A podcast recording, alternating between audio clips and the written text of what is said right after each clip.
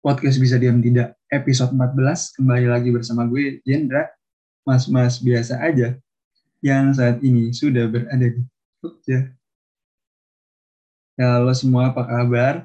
Selamat datang kembali di podcast bisa diam tidak yang akhirnya mengeluarkan episode baru lagi uh, semenjak terakhir kali mengupload pada tanggal 15 Juli 2021 waktu yang cukup lama karena jujur gue bingung kalau mau nolok mau ngomongin apa, kalau mau dialog mau berdialog dengan siapa dan mau ngobrolin apa. Padahal harusnya gue nggak usah nggak usah mikirin gitu, banget gitu ya. Soalnya kan ini tuh judulnya aja podcast bisa diam tidak siniar tanpa arah bersama Rajendra Yura. Harusnya ya gue ngobrol ngobrolin apa kayak gitu ngomong apa aja kan harusnya boleh gitu kan. Oh emang judulnya siniar tanpa arah tanpa tujuan. Tapi emang mungkin gue juga di satu sisi pengen kayak apa yang gue omong itu bisa um, mungkin berkesan kalau gue bisa bilang atau mungkin um, memberikan sesuatu kepada yang mendengarkan. Ya tapi gitulah. Mungkin gue minta maaf dulu. Mungkin ada yang menungguin nungguin mungkin kapan episode baru episode ya. Tapi ya mungkin aja gitu kan ada yang nungguin. Tapi juga nggak ada yang tahu ya mungkin semoga aja adalah yang emang emang menunggu Oke, okay. jadi seperti yang gue bilang di awal, gue udah di Jogja finally karena um, kampus gue, jurusan gue mungkin udah bentar lagi mau uh, kuliahnya hybrid, akhirnya gue harus udah ke Jogja. Jujur menurut gue ngekos itu enak sih, karena seperti yang dibilang orang-orang ada freedom. Ya jujur pasti iya sih kayak freedom. Soalnya kan kita terbebas atau mungkin bukan terbebas sih. Kita tidak terikat dengan peraturan-peraturan yang ada di rumah. Mungkin bisa dibilang seperti itu. Mungkin itu pendapat gue ya. Nah tapi um, muncul problematika lain menurut gue. Bagi gue. Kenapa? Karena jujur menurut gue ngekos itu susah soalnya gue bingung mau makan apa gitu. Gue bingung mau nyari makan apa. Ya. memilih makan apa. Soalnya kan kalau di rumah tuh terbiasa kayak gini gue ke bawah udah ada makanan. Gue dipanggil makan mas makan. Iya mah gue makan. Kan kalau di kan beda gue harus nyari makan sendiri atau mungkin gue harus masak makanan gue sendiri. Ya tapi mungkin itu karena gue belum nemu gitu ritme atau polanya yang bikin akhirnya gue enjoy enjoy aja gitu mau makan apa apa Nah tapi guys, kalau gue sendiri yang gue alami dengan permasalahan yang ada, yang udah gue bilang tadi, ah, susah cari makan, itu akhirnya gue susah nentuin makan, kurang lebih tepatnya. Nentuin mau makan apa. Akhirnya gue jadinya cuma makan mungkin dua kali sehari, atau satu kali sehari, tapi enggak sih, gue biasanya dua kali sehari. Kalau satu kali sehari itu paling kalau puasa, kalau puasa itu juga tapi jarang. Hmm, itu mungkin kalau di Jogja, eh soal ngekos. Ya gitulah. Ya kalau menurut gue sih tiba ya mungkin baru dua minggu ya. Gue juga nggak bisa dibilang gue belum bisa bilang oh ngekos lebih enak daripada di rumah. Nggak gue juga belum bisa. Dan mungkin nggak akan bisa soalnya emang semuanya punya plus dan minusnya gitu. Um, tapi jujur gue kalau bisa dibilang gue rada kangen gitu ya kalau di rumah. Kayak jujur gue alhamdulillah masih masih sering gitu ngobrol sama nyokap bokap pas uh, makan. Kayak ada aja obrolan yang yang unik gitu dari dari obrolan meja makan. Kayak gue bisa tahu sebenarnya pandangan bokap nyokap terhadap suatu hal tuh kayak gimana. Mungkin ada harapan-harapan mereka ke, buat anak-anak yang tidak sengaja terucap gitu kan. Nah itu yang dua minggu ini nggak gue dapetin gitu sih dan itu jujur uh, salah satu kebiasaan di keluarga gue yang gue sukai dan mungkin gue butuhkan saat ini. Gitu. Kalau kalian gimana? Mungkin pasti ada kan ya um, semacam kebiasaan atau ritual yang sering dilakukan oleh keluarga kalian dan pasti itu mungkin berkesan dan mengena gitu tanpa kalian sadari di hati kalian. Mungkin bisa nanti sharing-sharing sama gue ya. Tapi kalau nggak mau juga ya nggak apa-apa. Mungkin kalian bisa sharing dengan orang-orang tersayang kalian. Nah mungkin gue cerita sedikit uh, seminggu ini tuh gue ngapain aja. Jadi seminggu ini gue disibukkan dengan acara organisasi yang gue ikutin gitu dan jadwalnya itu bisa dibilang lumayan padat. Hari Kamis Jumat dari sore sampai malam dan hari Sabtu minggunya itu dari pagi sampai malam. Ya walaupun um, gue bisa dibilang nggak terlalu memainkan peran yang signifikan, tapi jujur capek juga men. Duduk di kursi melihat layar itu juga capek. Makanya tadi gue juga uh, sedikit apa ya namanya sedikit kayak wow ternyata ada yang seperti ini gitu. Kayak tadi ada yang presentasi bilang uh, karena kita udah lama gitu di sini maksudnya di ikut acara ini lihat layar yuk mari kita lakukan 20 20 20 uh, setiap 20 menit uh, melihat dengan jarak 20 20 apa tadi 20 yards atau 20 gue lupa 20 yards atau 20 feet ya? Kayak 20 eh gue 20 feet gitu lah.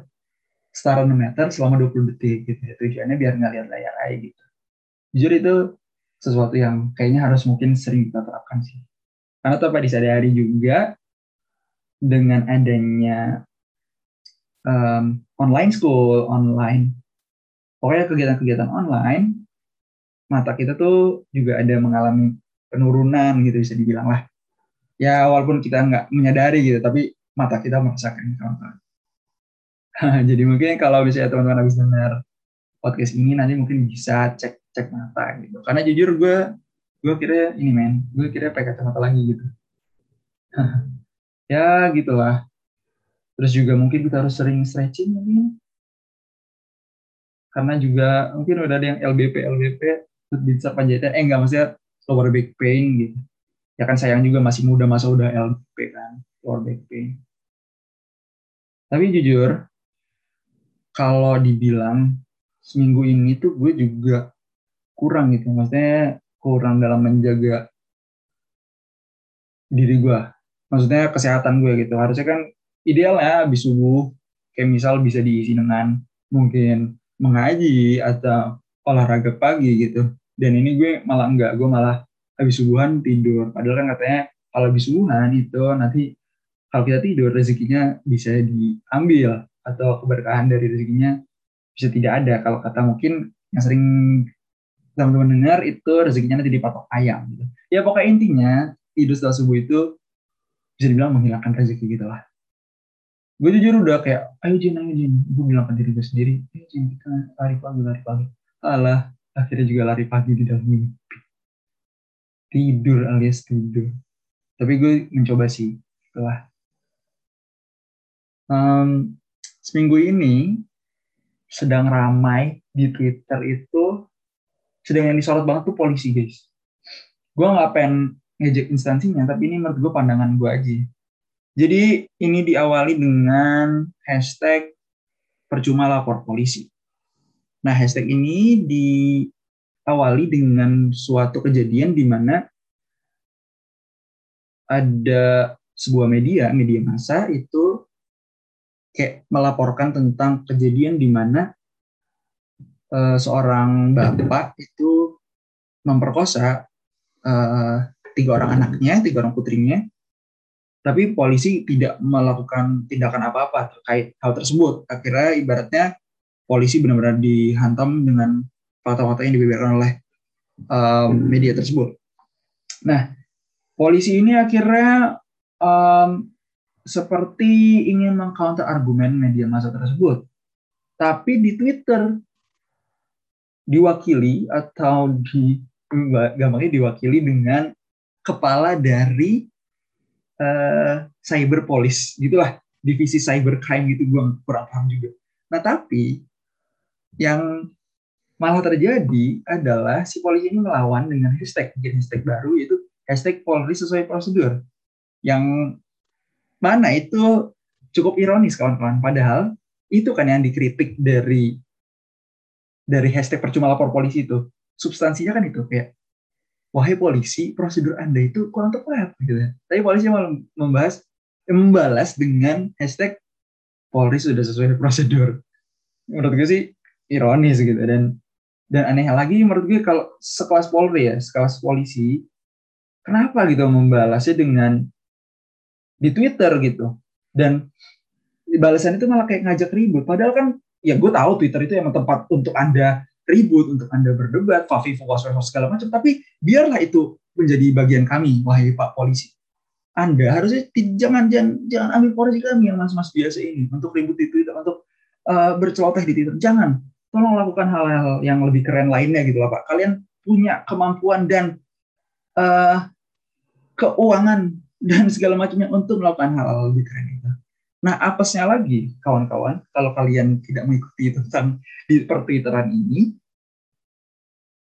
setelah kejadian tersebut, um, diikuti lagi dengan kejadian oleh polisi yang mana ada video yang viral tentang yang isinya itu mahasiswa dibanting oleh polisi. Nah, dibanting itu si mahasiswa ini dibanting pas dia lagi demo gitu. Nah, abis dibanting itu kan viral kan, dia dibanting akhirnya viral seperti biasa lah Indonesia gitu. Akhirnya uh, di kan emang udah kayak ditangkap gitulah si mahasiswanya akhirnya divideoin gitu. Oh ini nggak apa-apa emang mengalami enak badan aja padahal dibanting kan sakit kan guys. Nah akhirnya itu divideoin lah si polisi minta maaf, meluk segala macam. yang mungkin untuk kepentingan framing atau lah pencitraan lah itulah gampangannya. Oke kan itu yang so far yang kita tahu kan seperti itu ya. Nah ternyata sehari kemudian si mahasiswa ini ternyata dilarikan ke rumah sakit karena kondisinya memburuk dan uh, diduga si mahasiswa ini mengalami pendarahan uh, dalam, pendarahan di otak lebih tepatnya. Gitu teman-teman. Which is mengerikan ya. Maksudnya seseorang yang masih semuda itu sudah mengalami uh, apa kejadian yang cukup membahayakan kesehatannya, membahayakan masa depannya secara tidak langsung. Dan menurut gue, gue nggak masalah sama sama yang dilakukan polisi dengan meminta maaf dan dipublikasikan ke masyarakat. Itu menurut gue nggak salah dan itu emang udah dia untuk melakukan itu, hak polisi untuk melakukan itu. Cuman menurut gue dengan segala hormat, bapak-bapak polisi, kalian dengan kemampuan kalian dengan kapabilitas kalian harusnya bisa dong melakukan hal-hal yang lebih baik gitu. Kalau emang kalian benar-benar uh, merasa bersalah ke si mahasiswa ini, harusnya langsung dong dicek gitu. Dibanding seperti itu, nggak ini men. Kalau udah jelas itu pasti bahaya banget, pasti ada sesuatu yang terjadi lah. Kalau dari kacamata gue ya, langsung gue lihat anjir itu tulang belakangnya kenapa-napa itu pasti gitu. Harusnya langsung dicek gitu lah ke rumah sakit. Akhirnya ya gitulah. Ya semoga mas-mas yang dibanting itu kesehatan yang tidak memburuk dan semoga bisa beraktivitas uh, seperti sedia kala. Itu yang kedua. Itu yang ramai. Dan yang ketiga ini juga lucu banget. Jadi ada seseorang di Twitter mengetweet seperti ini. Bisa nggak sih seluruh polisi di Indonesia diganti dengan satpam BCA aja? Itu kan bercandaan ya. Gitu loh. Orang di Twitter itu kan yuk, mostly untuk bercanda untuk melepaskan penat aja gitu. Nggak ada yang seserius itu. Kecuali emang lo kerjaan lo di Twitter yang buat konten segala macam itu berarti emang lo harus serius. Tapi kan kebanyakan dari kita kan enggak ya? Jujur sebagai pengguna Twitter gue cuma menggunakan Twitter sebagai ya buat tempat tempat bercanda gitu tempat main-main ngetweet nggak jelas.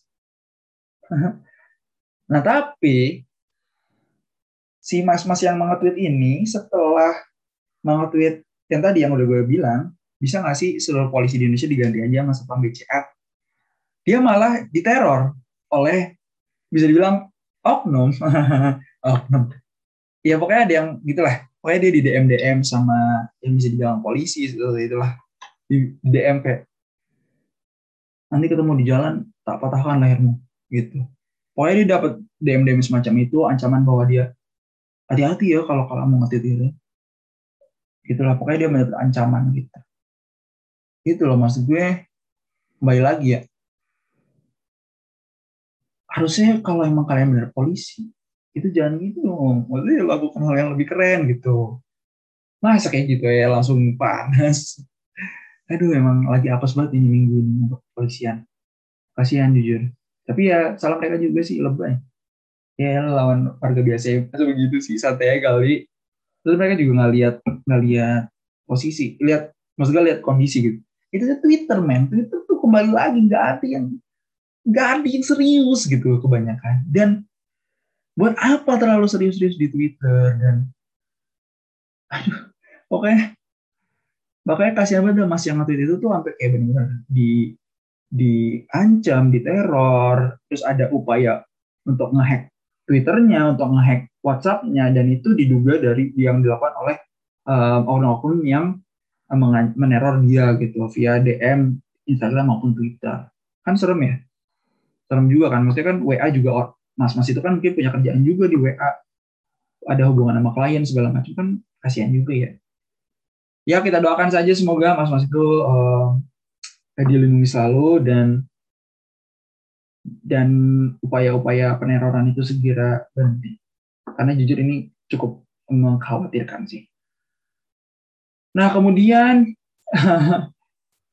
ada lagi, ini baru banget guys. Jadi tadi setelah setelah pertandingan atau saat pertandingan Persib melawan Bayangkara FC ada oknum polisi yang meludahi meludahi pelatih Persib Bandung Rene Alberts.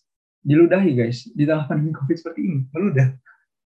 Meludah sembarangan saja sudah dibilang berbahaya apalagi meludahi orang ya kalian tau lah maksud gue kayak come on lah kalian nih polisi itu please please tunjukkan bahwa kalian pantas disebut abdi negara gitu. Ya tapi nggak tahu ya guys. Di balik semua um, kekacauan atau ke gue nggak bisa bilang nggak becusan ya. Tapi mungkin kekeosan yang terjadi ini mungkin juga kan kita nggak tahu ya mungkin di kepolisian yang atau oknum-oknum polisi yang yang seperti itu mungkin. Kita kan nggak tahu mungkin dia underpaid. Nah, akhirnya dia seperti itu. Coba dia nggak underpaid kan dia hidupnya san-san saja kan gak, gak bakal mungkin gitu. Kita juga nggak tahu mungkin itu salah satu cara mereka untuk uh, meluapkan emosi mereka atau mungkin yang mungkin kalau bahasa kerennya kayak kalian-kalian itu yang di Instagram atau TikTok self healing ya mungkin itu self healing mereka ya gue nggak tahu ya tapi intinya guys semua akan lebih mudah jika kita bodoh amat jujur guys bodoh amat tuh kayak mata dua pisau bermata dua gitu. Kadang kalau misalnya kita bodoh amat jadi tentram, tapi kalau kita kelewatan bodoh amatnya, akhirnya jadi malah makin chaos. Jadi menurut gue kita boleh bodoh amat tapi harus dengan cermat gitu loh. Apa sih bahasa kerennya? Pokoknya gitulah. Kayak boleh bodoh amat, cuman kita harus juga lihat situasi dan kondisi gitu lah. Nah, ya itu itu sih kalau menurut gue yang cukup ramai gitu di Twitter. Maksudnya setidaknya di lini masa Twitter gue itu yang namanya terkait polisi. Dan, dan emang apa saya gitu minggu ini benar-benar strict polisi gitu. Polisi polisi polisi. Chaos chaos chaos. Polisi gitu. Kasihan gitu tapi guys untungnya uh, minggu ini ditutup dengan kabar gembira dari um, timnas bukan timnas sorry tim bulu tangkis tim Thomas Cup Indonesia yang berhasil uh, mengalahkan Denmark 3-1 di semifinal dan akhirnya melaju ke partai final. Dan kita doakan saja nanti di final ketika melawan Tiongkok kita bisa menang. Ah, gitulah, maksudnya tim Thomas bisa menang gitu. Dan jagoan-jagoan kita bisa uh, menunjukkan performa terbaik mereka. Karena jujur uh, badminton seperti yang kita tahu, kita bisa berharap banyak lah dari badminton tidak seperti uh, timnas sepak bola Indonesia. Gitu. Hmm, ya gitu guys mas gue ya gitulah Indonesia ini memang cerminan dari kehidupannya kayak seburuk apa pun kondisi pasti ada hal yang positif lah tinggal kita mau sabar menunggu atau kita mau sabar tapi mengejar hal positif tersebut.